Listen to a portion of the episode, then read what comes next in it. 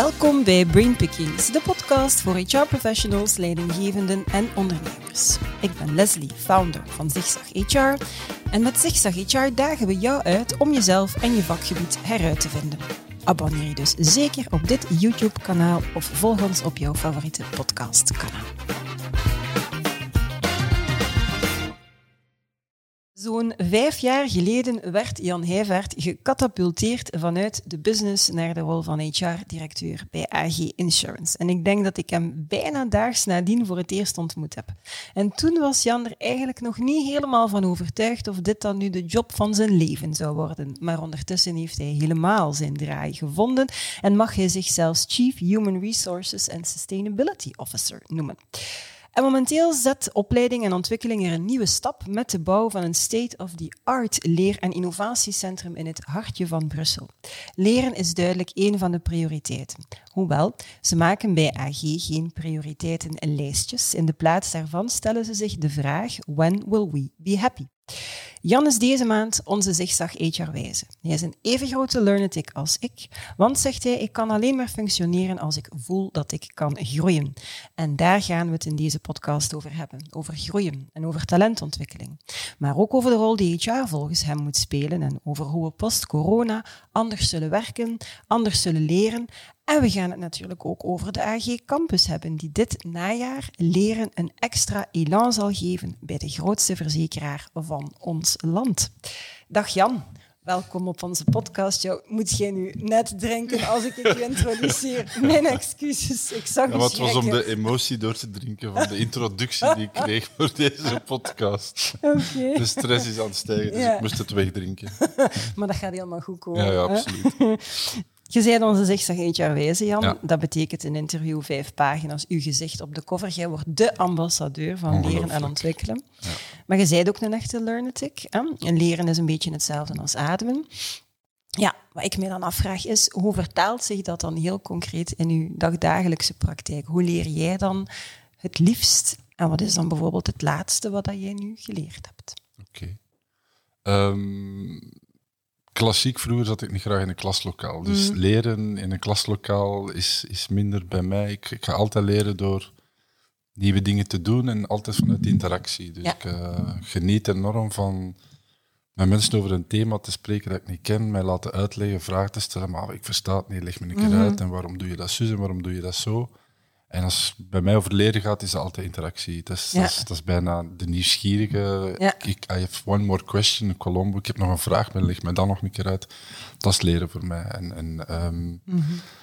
ik denk dat heel mijn leven, mijn carrière, jullie gebruiken zigzag-carrière. Ik denk dat ik zigzag maanden, zigzag weken heb. En, en Oké, je hebt mij in de introductie nog wat, mhm. een hele lange titel. Uh, maar die titel impliceert een aantal nieuwe zaken die erbij zijn gekomen. Sustainability, maar ook mhm. strategic marketing, het belang van een brand. Ehm, en dat zijn zaken die ik nu de laatste weken, als je zegt wat heb je bijgeleerd, elke dag zie ik nu iemand van de nieuwe ploeg, waar ik dan vraag van leg een keer uit. En dan leggen ze me uit hoe belangrijk het is dat Google u graag ziet om naar de website te komen, welke mechanieken dat daarop mm zitten, hoe je dat kan manipuleren.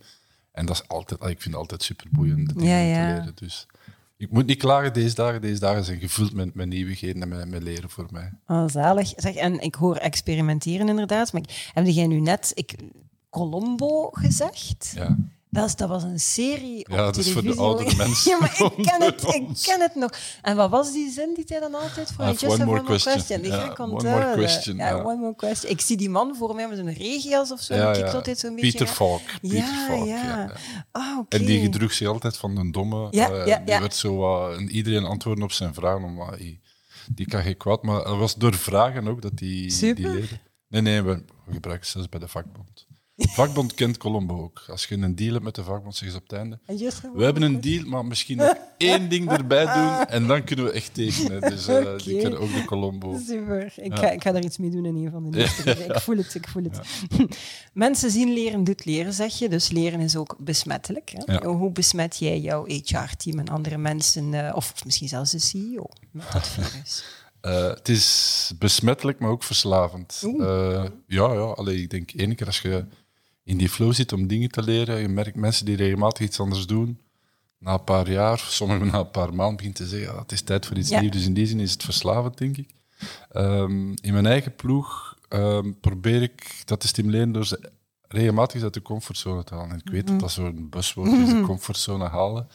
Maar je gaat, ik denk dat ze onlangs in de podcast geweest is, je gaat wel rare combinatie zien bij mij. De, de verantwoordelijke learning bij ons combineert dat met de verantwoordelijkheid van finance. Ja, ja, ja inderdaad. Die is de- Eh, Christel, nee. Christel ja, Christel, bijvoorbeeld. Ja, ja. De verantwoordelijke die bij ons met projecten met IT doet, doet ook recrutering. Dus dat is echt twee totaal verschillende werelden. Maar dat moet niet in een job zijn, dat kan ook met projecten zijn. En ik heb gemerkt dat dat vaak het leukst is. Zo, Ja. ja. maar dat is toch niks voor mij, wat kan ik daar gaan doen? En dan daar eens in te gaan. Dus dat is een stuk eh, hoe dat ik mijn eigen ploeg stimuleer. Ehm, ik, ik schuif nog eens graag al rond met mensen, omdat Ja. ik weet dat dat werkt. Uh-huh. Ehm, en, en in het begin is iedereen van, ja, waarom, dat is toch een rare combinatie. Maar daarna komen ze vragen, ja, je gaat misschien de volgende keer nog schuiven, maar allee, er mag terug iets in die zin zijn, want ik vond dat wel leuk, of ik vind dat wel leuk. Eh, en, en leren voor mij is ook een stuk marketing. Ehm, Dus hoe maak je mensen enthousiast? Hoe breng je ze naar je product leren? Ja, je moet een stuk marketeer zijn. Absoluut. Eh, je moet ze een beetje wachten totdat ze zelf gaan in de winkel komen vragen. Dat werkt bij sommigen, maar bij de meesten moet je een beetje teasen, een Ja, beetje ja. uitdagen. En, eh, het is zo dat je stimuleert voor mij. Absoluut. Oké.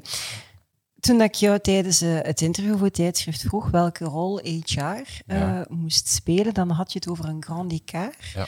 Want HR zei je moet werken, je moet werken op twee snelheden en misschien zelfs in twee richtingen. Ja. Herinnert je dat? Wat, wat bedoelt je daarmee? ik herinner mij dat zeker. Want Het is ik, eh, ondertussen al eventjes Nee, nee, maar als de mensen van mijn ploeg de podcast gaan horen, zeggen ze, ja, maar gebruik dat altijd, Is die, daar die uitdrukking. Is daar weer Ja. een grand elkaar. Ehm, maar een stukje, en, en dat is, allee, en ik noem ons niet langer, het is een verbod om HR nog supportdienst te noemen, maar de corporate diensten, zoals Mhm. ze zo noemen, die ehm, vanuit een corporate filosofie naar het bedrijf kijken, ehm, zijn enerzijds nog altijd daar, die business is nog altijd daar. Dus die, die, we moeten nog altijd recruteringen doen, je moet zorgen dat de mensen een promoties, dat de talenten begeleid worden. Dus daar zit de business in een driverstoel, en, eh driver seat, sorry. En een typisch voorbeeld daar is een business gaat zeggen van ja, leren is goed, maar ze moeten wel leren voor de job die ze hier doen, want Ja. ik wil die houden, die is goed. En, en die mag niet weg. Ja.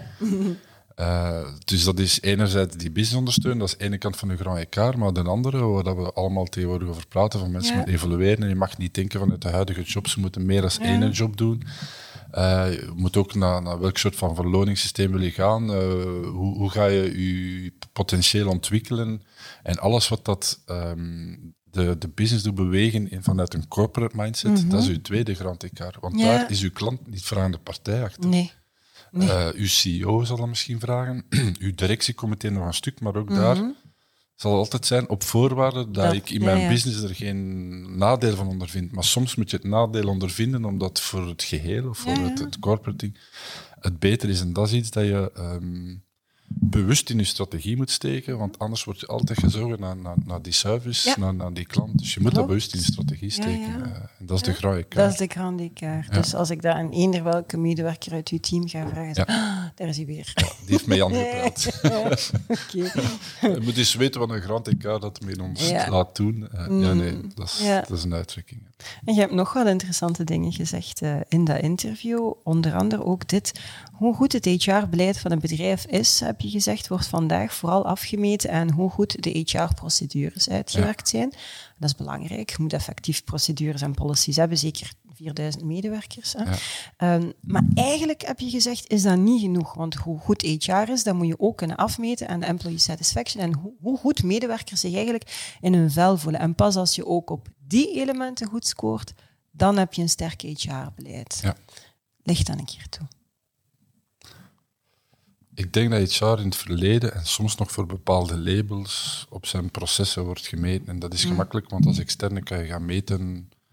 Toont een keer het proces, toont een keer het document niet gebruikt. Mm. We gaan dan een keer iets door. Ja, we gaan zien dat alles op dezelfde manier loopt. En dat is wel goed Mm-hmm. Eh, dat die processen er zijn om te vermijden dat, dat er wat willekeur is en dat iedereen op dezelfde manier, dat alles transparant is. Ja. Dat je weet waar je vacatures moet gaan zoeken. En, en, dus dat is belangrijk. Maar als je wilt gaan onderscheiden, ga je dat niet doen door het beste proces te hebben. Dan, dan moet je naar die employee satisfaction, dan moet je gaan zien ehm, de, de high potentials die we in het bedrijf detecteren, waar staan die vijf jaar later. Dan moet je gaan zien die mensen die gesolliciteerd hebben Ja. En die worden eerst naar ontvangen en zijn die tevreden. En dan moet je, je hebt bij de introductie ook, ben Are We Happy? Ja. Als je vraagt, wat, wat verwacht je van HR? En, en vraagt dat aan de medewerkers, dan gaan die zeggen van ik verwacht dat, dat die eerlijk zijn tegen mij, dat die transparant zijn. Dus dat moet je ook gaan meten. Ja, ja komen we zo over bij die mensen. Uh, de, ja, maar we hebben het proces gevolgd. Maar ze zeggen, ja, het proces mag je krijgen shitty answer, maar je hebt het proces gevolgd. Mijn tevredenheid zijn ligt niet hoog. Zijn ze niet tevreden? Uh, en dan moet je op voorhand beslissen en niet achteraf. Allee, je kent de uitdrukking misschien van uh, tien keer in de lucht schieten en wat mm. dat eruit valt, let's call that the target. je, allee, je moet, je mm. moet, moet op voorhand definiëren wat voor een HR willen wij zijn. Ja. En die processen zijn ondersteunen, maar welk gevoel wil je bij wie? Ja. En welke efficiëntie naar het bedrijf toe? Als je zegt, wij, wij gaan de juiste mensen recruteren, we gaan die op een hoger niveau krijgen, uh, we gaan zo aantrekkelijk zijn dat ze zelf komen solliciteren, mhm. dan moet je op voorhand definiëren en dan moet je dat gaan meten. Ja, absoluut. Ik vond dat, ik vond dat ook een, eh, een heel interessante. Tijdens um, de roundtable over leren en ontwikkelen werd de CEO van Bosch Concern uh, geciteerd: Education always seems someone else's problem. Ik heb dat hij onthouden in de zin van: we, we, hebben het altijd, ja, het is een schuld van het onderwijs, of het zijn de leerkrachten die geen goed zijn, het zijn de politici die een verantwoordelijkheid nemen, het zijn de werkgevers die niet willen uh, investeren. Het is altijd iemand anders, maar uiteindelijk de individuele werknemer, de, het individu court, die heeft, ja, dat is toch ook wel een verantwoordelijkheid hè, dat, dat, dat, dat iedereen heeft. En iedereen moet evenveel recht hebben op opleiding. Maar als ze er zelf niet van overtuigd zijn, ga je natuurlijk moeilijk in beweging krijgen. Ik denk dat we juist voordat de podcast begon het gesprek over, over kinderen hebben gehad. Van hoe meer dat je gaat trekken en lossen. Maar mijn zoon zou wel eens durven kijken, dus we gaan er niet op ingaan dat het over hem ging. um, maar wat ik mij dan afvraag, Jan, steken we dan niet beter als het gaat over de rol van, van werkgever, hè, steken we dan niet beter onze energie enkel in de mensen die, die echt willen moeten we energie steken in mensen zeggen van ik wil, het interesseert mij niet. Ik, ik. Dat is heel hard, hè, wat ik nu zeg, want dat is absoluut niet inclusief. Hè, maar, maar de twee, ik denk dat, dat je aanbod er moet zijn en daar gaat een groep van de mensen die meer nodig hebben, die die drive van hunzelf mhm. hebben. Ik vind wel dat we als bedrijf uh, die push marketing en teasing en aantrekking, dat, dat we dat niet kunnen laten liggen. Ik denk dat we die verantwoordelijkheid wel hebben en dat is niet die van een ander. Ik vind dat je mensen moet op zijn minst enthousiast maken over leren. En, en het verhaal van die campus, allee, we gaan daar straks op komen, dat is niet alleen een symbool, dat is ook een context creëren waarin dat je teruggeteased wordt en waar dat aantrekkelijk in wordt. Mm. Dus ik denk, die stuk marketing moeten we doen. Ja. Uh, maar als het dan niet lukt, oké, dan moet je energie gaan steken in de andere. Ja. Omdat leren voor, voor mij is, is, is, is wat dubbel. Um, we praten vaak over leren van mensen gaan zich dan ontwikkelen en kunnen dan inzetten op de volgende job. Of ze kunnen dan mhm. een carrière maken of een zigzag carrière. En, en uh, leren is het nieuwe recruteren en dan moet er ja, niemand anders gaan recruteren. Dat klopt allemaal. Maar ik denk, rond de tafel hebben we het ook gezegd, leren is voor sommige mensen ook een stuk ontwikkeling, een soort van, um, een soort van well-being bijna. De, mhm. dat ze, als, als ik kan bijleren, voel ik mij goed in mijn vel. En dat stuk mogen we toch ook niet verwaarlozen. En ik denk dat leren daar ook een plek heeft. Misschien niet altijd om dan carrière te maken, maar, mhm. maar, mensen die een keer iets nieuws leren, voor sommigen is dat, vandaag was het interessant, ik heb dat en dat geleerd, zonder dat dat direct gericht is op, uh, op een carrière. Nee, nee, klopt. Dus dat stuk marketing is ook niet een ander zijn probleem, denk dat wij dat moeten doen. Ja, die rol ook niet. Ja. Een beetje in, in, het verlengde daar nog van, um, ik had recent een, toch wel, ik vond een heel boeiende talk gezien van, de, van Veerle de Bosser, ze professor sportbeleid bij de VUB, naar aanleiding van de Olympische Spelen. Uh, en dat was toen uh, Nina Derwaal die toen goud had gehaald. En uh, gans haar talk ging er hem eigenlijk over dat we niet ambitieus genoeg zijn in België, daar komt het op neer. Ja. Maar ik ga even inzoomen op iets wat ze zei over talentontwikkeling. Zegt ze, talentontwikkeling spreekt natuurlijk over atleten in het kader van de Olympische Spelen. Hè. Talentontwikkeling, zegt ze, moet heel breed zijn, maar tegelijkertijd moet je, als de budgetten beperkt zijn, durven focussen en prioriteiten leggen, eens dat het ja, dat de talenten eigenlijk beginnen te presteren. Waarmee dat ze wil zeggen, in die talk heeft ze het over, eh, je moet eigenlijk de, de lokale sportclubs, waar dat, dat talent ontgonnen kan worden, moet je eigenlijk de, de ruimte laten om, om dat talent te helpen ontwikkelen en laten ontwikkelen. Maar als je dan op een bepaald moment een keuze moet gaan maken van met wie ga je verder, je kunt niet met iedereen verder gaan. Zeker niet als je beperkte middelen hebt, zegt ze. Dus dan moet je eigenlijk durven focussen en kiezen. Dat betekent dat niet iedereen van die atleten dezelfde kans gaat krijgen. Ik vond dat interessant en het ligt een beetje in het verlengde wat ik dan net zei. Ja, in het bedrijfsleven kun je dat toch bijna niet maken. Dat je zegt van het zijn allemaal mensen, we geven ze allemaal gelijke kansen. Maar daar zit er iets minder in, dus die gaan we gewoon laten voor wat dat is. En we gaan enkel de high performance verder helpen ontwikkelen. Weer heel kort door de bocht, hè, maar waar roept dat op als ik dat zeg? Allerlei emoties. Ja. Nee, eh, het is een beetje... eh, ik denk dat ze gelijk heeft en, en, en geen gelijk. Ik Uh-huh. denk, moest je alleen dat maar doen, dan, dan klopt het vooral niet. Als je zegt, Mhm. ik heb hier 4000 mensen en ik ga in de 50 die potentieel hebben om Mhm. ooit in een top 200 te geraken, energie stegen, dat klopt niet. Mhm. Ehm, ik denk dat je een aanbod voor iedereen moet hebben, zoals jeugdopleiding. Als we dan naar verwijzen, ik denk niet dat je kinderen mag weigeren om Mhm. Nee, mee te sporten. Ik denk dat je medewerkers ook niet mag weigeren om het aanbod dat er voor iedereen is, om Mhm. daaraan deel te nemen. Ik denk dat je moet kiezen en, en aantrekken om dat te gaan doen. Want niet iedereen is vanaf het eerste zicht een talent en iedereen ontwikkelt zich anders. en vijf jaar later, ehm, door wat dat er gebeurt, komt er in één keer een talent boven dat je zegt, jij dat ik niet gezien van in het Ja, begin. ja. Maar dat je meer energie en middelen steekt in toch een bepaalde categorie. Mhm. Ik denk dat dat niet abnormaal is. Ik denk dat de meesten dat ook doen. Ik denk Ja. dat er ook meer bijvoorbeeld energie wordt gestoken in leiders, omdat je verwacht dat die leiders ook een stuk Ja, ja. eh, energie overdragen aan die ploegen. Eh, dus in bijna alle bedrijven denk ik dat leidinggevende de laatste jaren, misschien al wat langer, maar Dat de laatste jaren zeker, dat er meer, dat er Ja. meer energie wordt gestoken in sommige dan Ja. in andere. Ja, Ja. En dat moet. Allee, ik vind dat niet zo onlogisch. Wel, het is niet onlogisch en het zal ook zo zijn dat het in heel wat bedrijven aan de orde is. Maar als ik die tak dan, en uiteraard, ik haal er nu elementen uit en copy-paste, zeker in deze context en dat bedrijf mogen we niet zomaar gaan doen. Hè. Maar ik, ik- het, het druist voor mij opnieuw zo dat gans dat idee van inclusiviteit en iedereen diezelfde kans geven en tegelijkertijd zeggen, ja, maar in die gaan we net iets meer doen. Dat op een of andere manier triggert dat bij mij precies een gevoel van oei, dat is, dat is precies niet correct.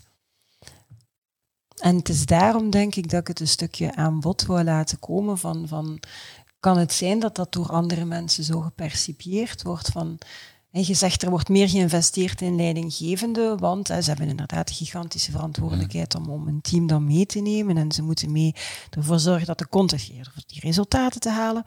Maar het zou toch kunnen zijn dat iemand die net geen leidinggevende is, die ook heel veel ambities heeft, dat die dat dan ervaart als hm, niet eerlijk. Ja. Ja, ja, Ja, ja, Ja. Allee, je kunt wel, hoe dat mensen dingen percipiëren, daar kun je niet, kun je niet aan doen. Wat, wat vaak de andere kant van de medaille is, die niet iedereen ziet, is dat je die mensen waar je meer tijd en energie in steekt, daar heb je ook hogere verwachtingen van. Daar leg je de lat hoger.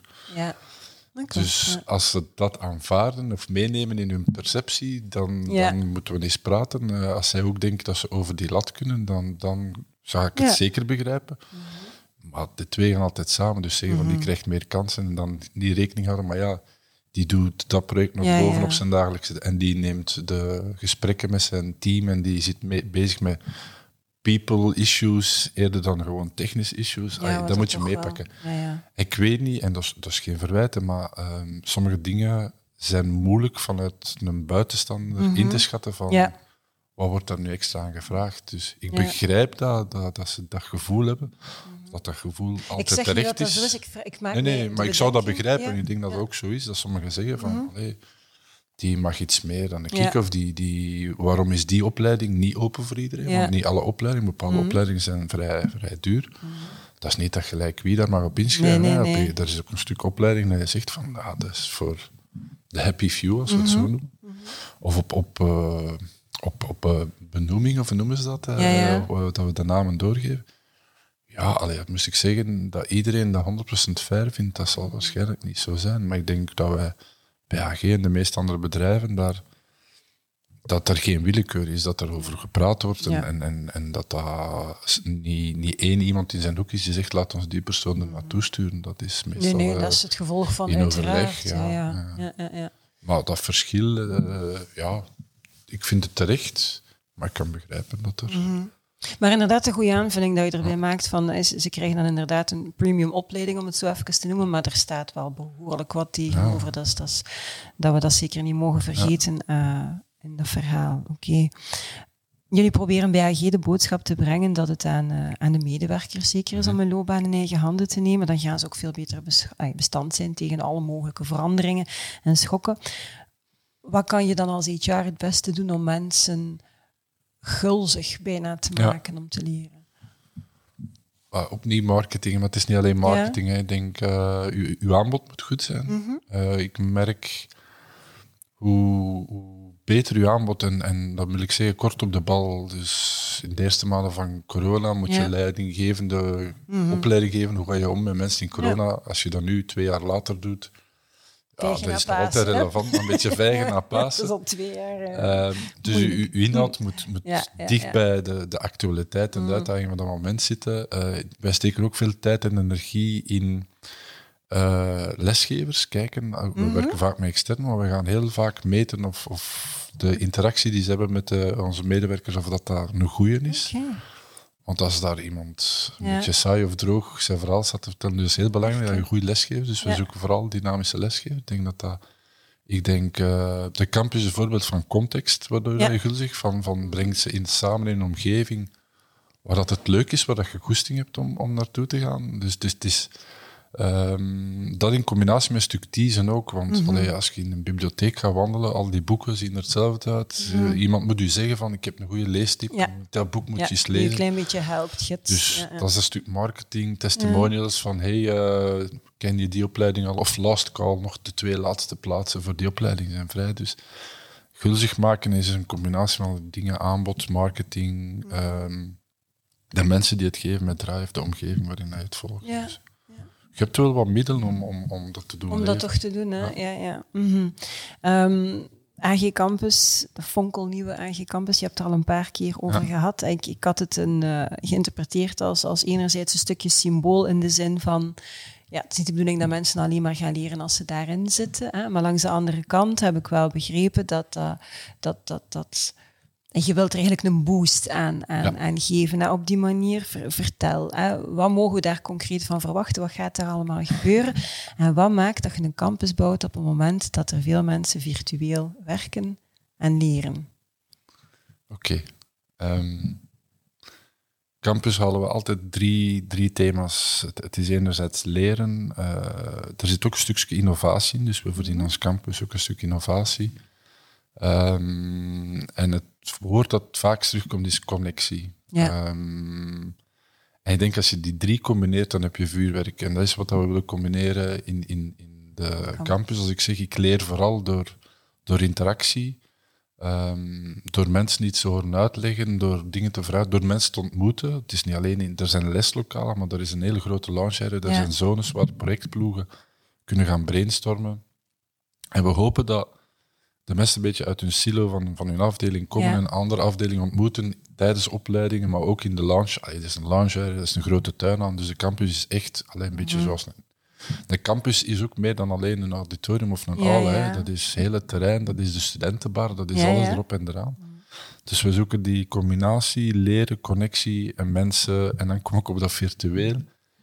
Uh, ik ben er echt van overtuigd dat gaat leren en virtueel, als we daaronder verstaan, van op afstand digitaal ook, maar virtueel interpreteer ik vooral ehm, niet op een formele manier, maar door interactie. Allee, hmm. ehm, en dat is misschien een verkeerde conclusie, maar als het dan niet is, dan gaan we virtueel volgens mij, ehm, geloof ik, dat we veel meer gaan leren in de campus met connectie dan virtueel van thuis. Ja, dus ik, mensen samenbrengen. Het is direct marketing, dus die aangename werkplek. Uh, Zien leren, doet leren.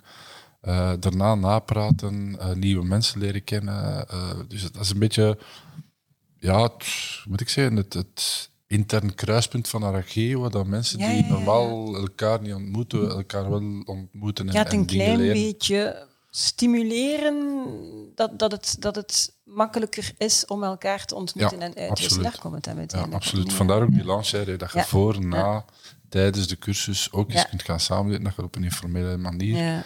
En dat mensen die zalen niet alleen gaan gebruiken voor, voor te leren, maar ook voor testimonials te doen. En mm als, als het, we hebben gezien, als je infrastructuur ter beschikking stelt, en dat is goed uitgerust, dan gaan ze dat vanzelf een stuk gaan, gaan beginnen opvullen. Ja, dus, uh, Maar het, de link met virtueel, ik weet niet wat, dat- wat u Wel, juist wat bedoelt met ehm, virtueel leren. Ja, maar- het, het, eh, wat ik daar eigenlijk mee wil zeggen is van eh, door of dankzij corona, mocht kiezen hoe dat je het invult, hebben we beseft dat we ook virtueel van thuis uit, met een eh, van, van op de computer, heel wat dingen kunnen leren en leren van elkaar en zo verder. Dus er is een, een tendens geweest van, hm, er zijn eigenlijk heel wat zaken die we kunnen leren zonder dat we ons daarvoor moeten verplaatsen. En ik wou eigenlijk een stukje aangeven van als dat een evolutie is die nu door corona in gang is gezet, waar positioneert zich dan een campus fysiek? Maar dat stukje digitaal leren dan, of van op afstand Ja. leren, wordt ook vanuit de campus ondersteund, want we, we gaan twee fully equipped webinar rooms permanent hebben, waar dat we eh, doorheen heel het jaar gaan kunnen blijven opnemen. Nu, Mhm. ehm, dat moet niet noodzakelijk in de campus, maar het zit mee in het concept dat dat, er, dat erin dat het zit. volledig eh, geëquipeerd is, inderdaad. Maar ik denk dat het aanbod gaat blijven, maar niet in dezelfde mate gaat geconsumeerd worden als in het verleden. Ik denk dat er heel veel behoefte, we voelen dat ook, heel veel goesting en behoefte om, om terug samen dingen te Ja. gaan doen.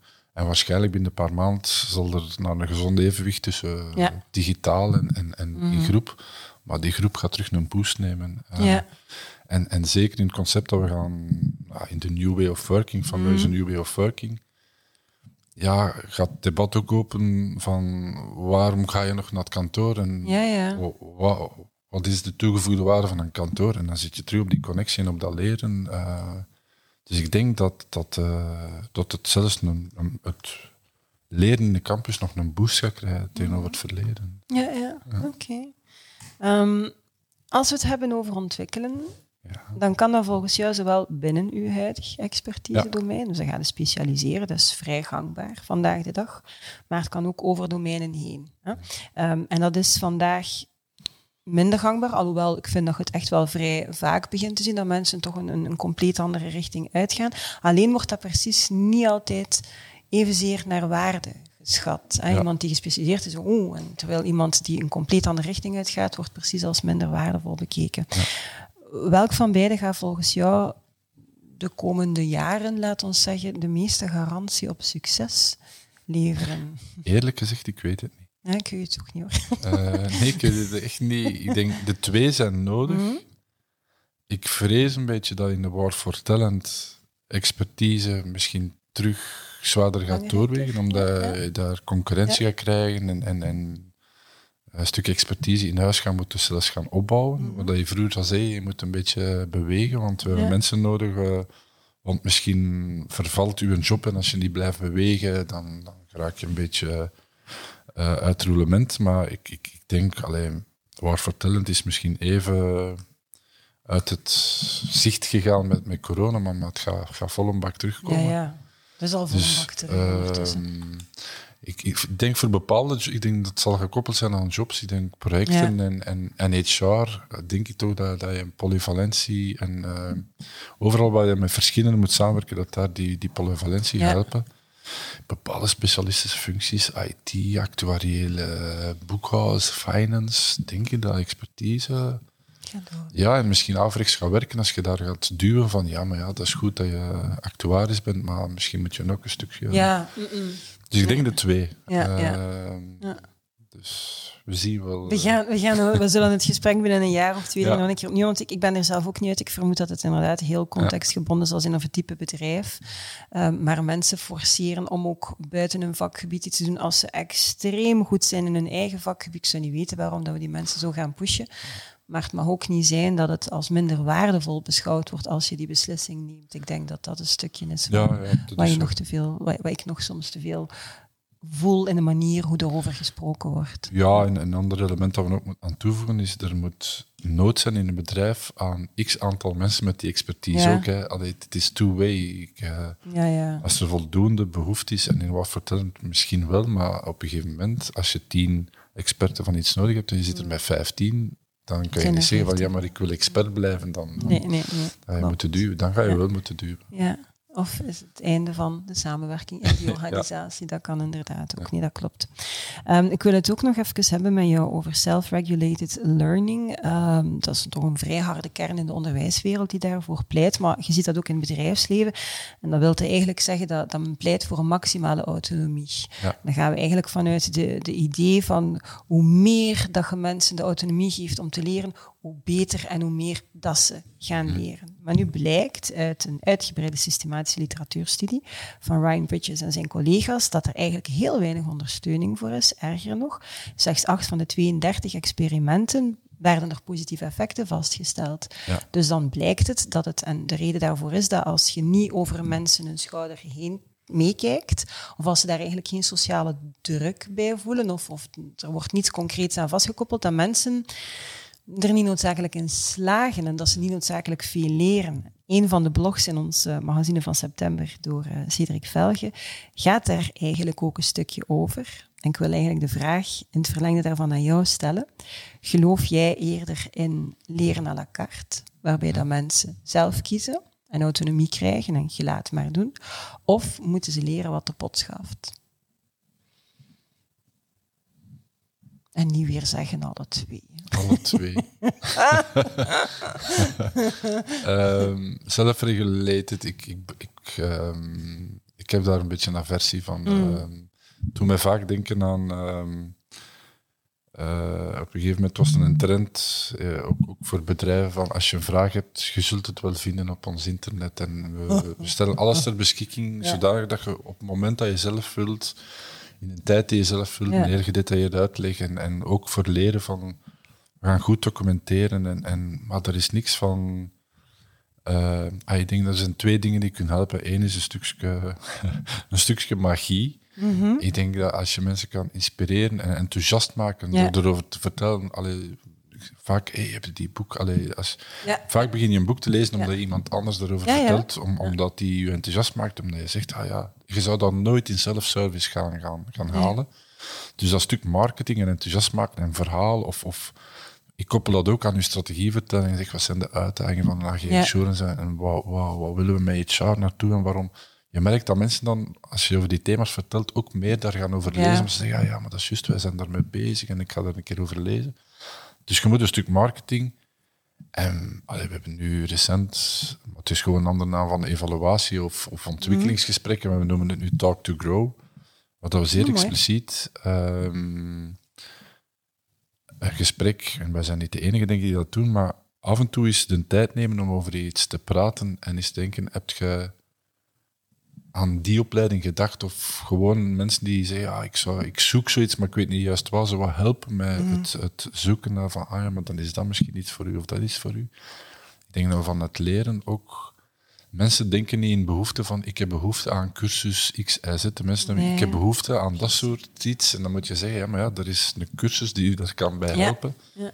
En daar dient in Talk to Grow bij. Van, je moet de tijd maken voor het gesprek. Ja. Um, dat is in veel dingen zo. Als je de tijd niet neemt, dan ga je geen self-service doen. Dus, uh, dus ik denk af en toe de tijd nemen en af en toe eens uh, wat tips en tricks geven of wat, wat guidance of wat pushen. Ja. Want het zou toch goed zijn als je naar dat wilt gaan, dan zou ik toch aanraden van die en die cursus te volgen. Ik denk dat je die twee er moet bij doen. Toch wel, ja, ja zo'n beetje gids hoor ik. Wat, ja. wat pushen, inderdaad marketing, het is, het is, soms een stukje verleiden, maar ik denk ook enthousiasmeren is misschien nog beter geplaatst. Dat je kunt zeggen, we gaan er een marketing truc op, op inzetten, of je kunt gewoon zodanig enthousiast over iets zijn, dat de andere persoon zegt, ik wil dat ook ja, ik wil dat, dat ook. Ja. Je kunt dat marketing noemen, je kunt dat enthousiasme noemen. Ja, ja. dus, uh, maar het verschil is wel van, gaan we pushen bij het een, terwijl bij het ander dat echt vanuit die persoon zelf komt, die zegt van, wauw, ik was... Ja, ja. Oké, maar dus geen duidelijke, het is, het, is, het is toch wel een beetje alle twee. Ik denk dat dat eigenlijk systematisch voor alles van toepassing is. Het is nooit zwart-wit, het is uh, gelukkig maar.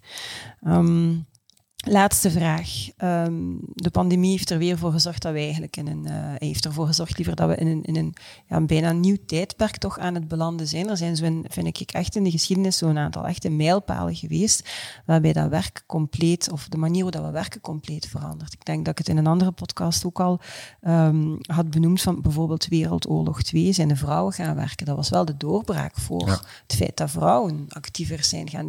En de doorbraak van de computer, digitalisering destijds. Wel, eigenlijk is er iets fundamenteel gelijkaardigs. Die pandemie is echt een versneller geweest, waardoor dat manier van werken aan het echt serieus switchen is en definitief zal, zal omdraaien.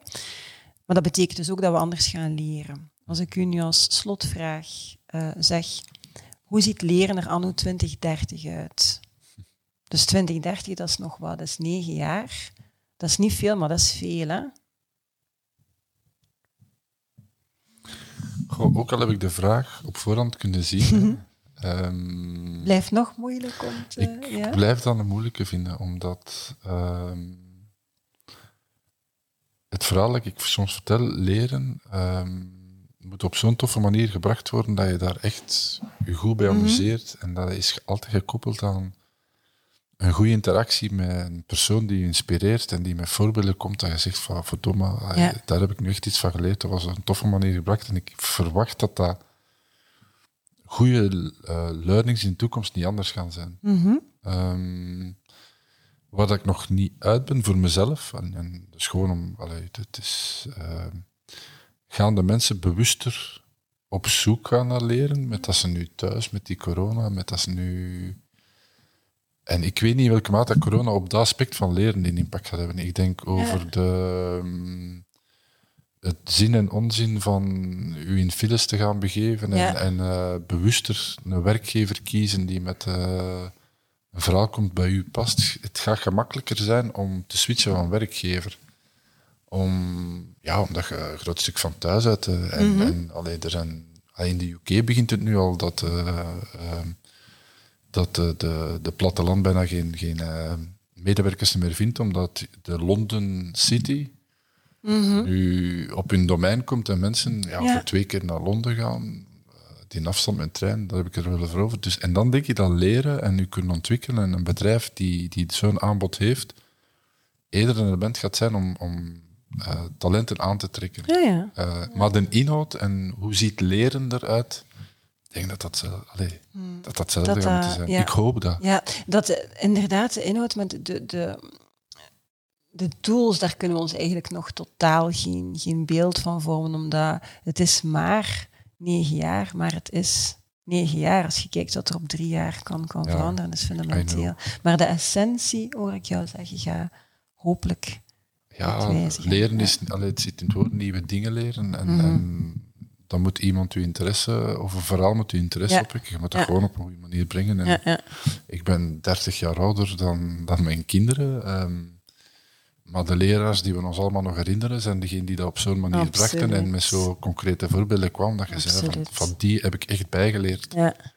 En ik hoor nu hetzelfde verhaal van die mannen. Van, Ja. Dat is er een en ik zit thuis op de UNIF op de camera te kijken en die prof die doet alsof dat wij in die aula zitten, die brengt zijn verhaal op dezelfde manier.